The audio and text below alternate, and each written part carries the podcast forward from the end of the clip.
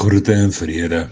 Welkom weer eens hier by die kuierplek op die vlak vir nog 'n Kalahari storie. My naam is Haie Kronje en ek ken die mooiste mooi woon, werk en kerk hier aan die vergeetkant van die land. Vanmiddag lees ons hier by die kuierplek op die vlak uit die Afrikaanse 2020 vertaling en meer spesifiek Jeremia 17 se 7de versie en daar staan geskrywe Geseënd is die man wat op die Here vertrou. Wie se vertroue die Here is. Vanmiddag se storie se naam Sanna met die pronkende hart. So met die laaste stukkie geloop in die voetpaadjie na Sanna se plekkie toe. Besef ek opnuut waarom soveel voorwêreld mense goed beduie dat hierdie deel van die Kalahari hulle hartsplek is. Hulle reken hier kan meer as net jou dink rondloop. Selfs jou menswees ook. Veral as jy dapper genoeg is om met sonop of sonsak saam jou oë stadig aan te laat wandel tot daar waar die verste sien ophou. Ek en die mooiste mooi is moeg vandag, diep moeg. Selfs die murg van ons gebeendere is moeg. Met 'n goudkleurige sonsak wat die westelike kim omsoom, wil ons veel eerder omdraai en langbeen gaan sit hier by die kuierplek op die vlak. Nie een van ons het vandag enigsins lus om by Sana te gaan oorstaan nie. Maar ons weet, ons weet ons moet. 'n Skril gelag op die winkelstoep ruk my binneste terug tot die rou werklikheid van menswees hier in Nikolari.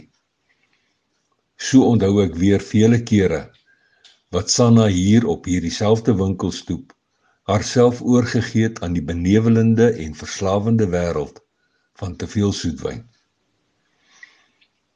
Sanna van wie vroeër jare se vreeslike losbandige leefstyl is deesdae bloot net 'n stukkie asem.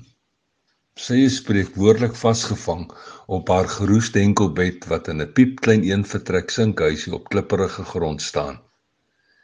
Die voormalige voordanser wat meer as murg van die partytjie was, is deesdae heeltemal uitgelewer aan ander mense goed se genade.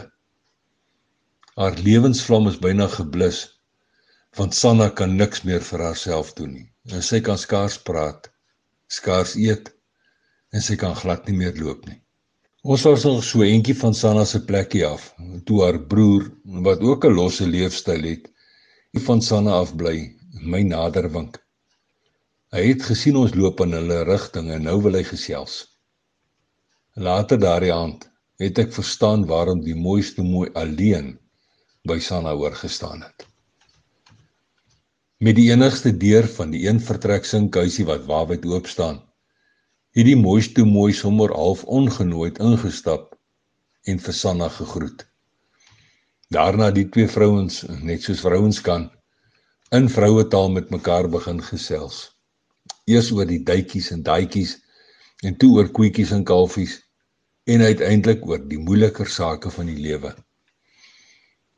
Dit is toe dat daar hoofsaaklik net oor Sanna se enigste meisiemens gepraat is.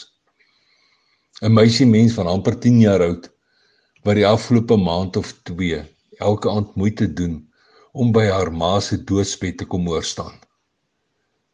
Dan word daar met kinderlike opregtheid 'n teksversie gelees en 'n kinderlike gebed gebid. En net voor die nag se donkerte hierdie meisie mens finaal omvou voor sy loop. En word Sanna gegroet met: "Hoor mooi my ma. Hoor mooi. 'n Ma goed moet net vertrou.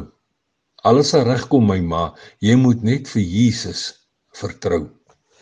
Groetwoorde wat elke nag lank in Sanna se ore refrein. Tyd spoed soos 'n reisiesperd verby. 'n uur of wat later sukkel Sanne met benerige hande om die dankbaarheid uit haar natblink oë te vee toe die mooiste mooi haar groet. Dankbaarheid omrede die kerelkind van God vanaand ook haar hart soos 'n springbok laat pronk. sien Sanna het hom gevind.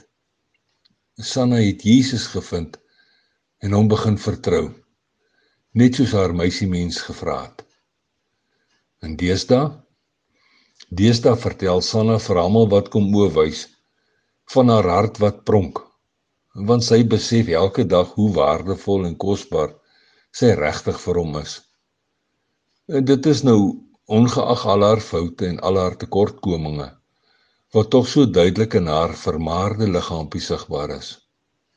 As ontvanger van onverdiende genade besef Sanna dat niks hiervan moontlik sou wees as dit nie vir hom was nie.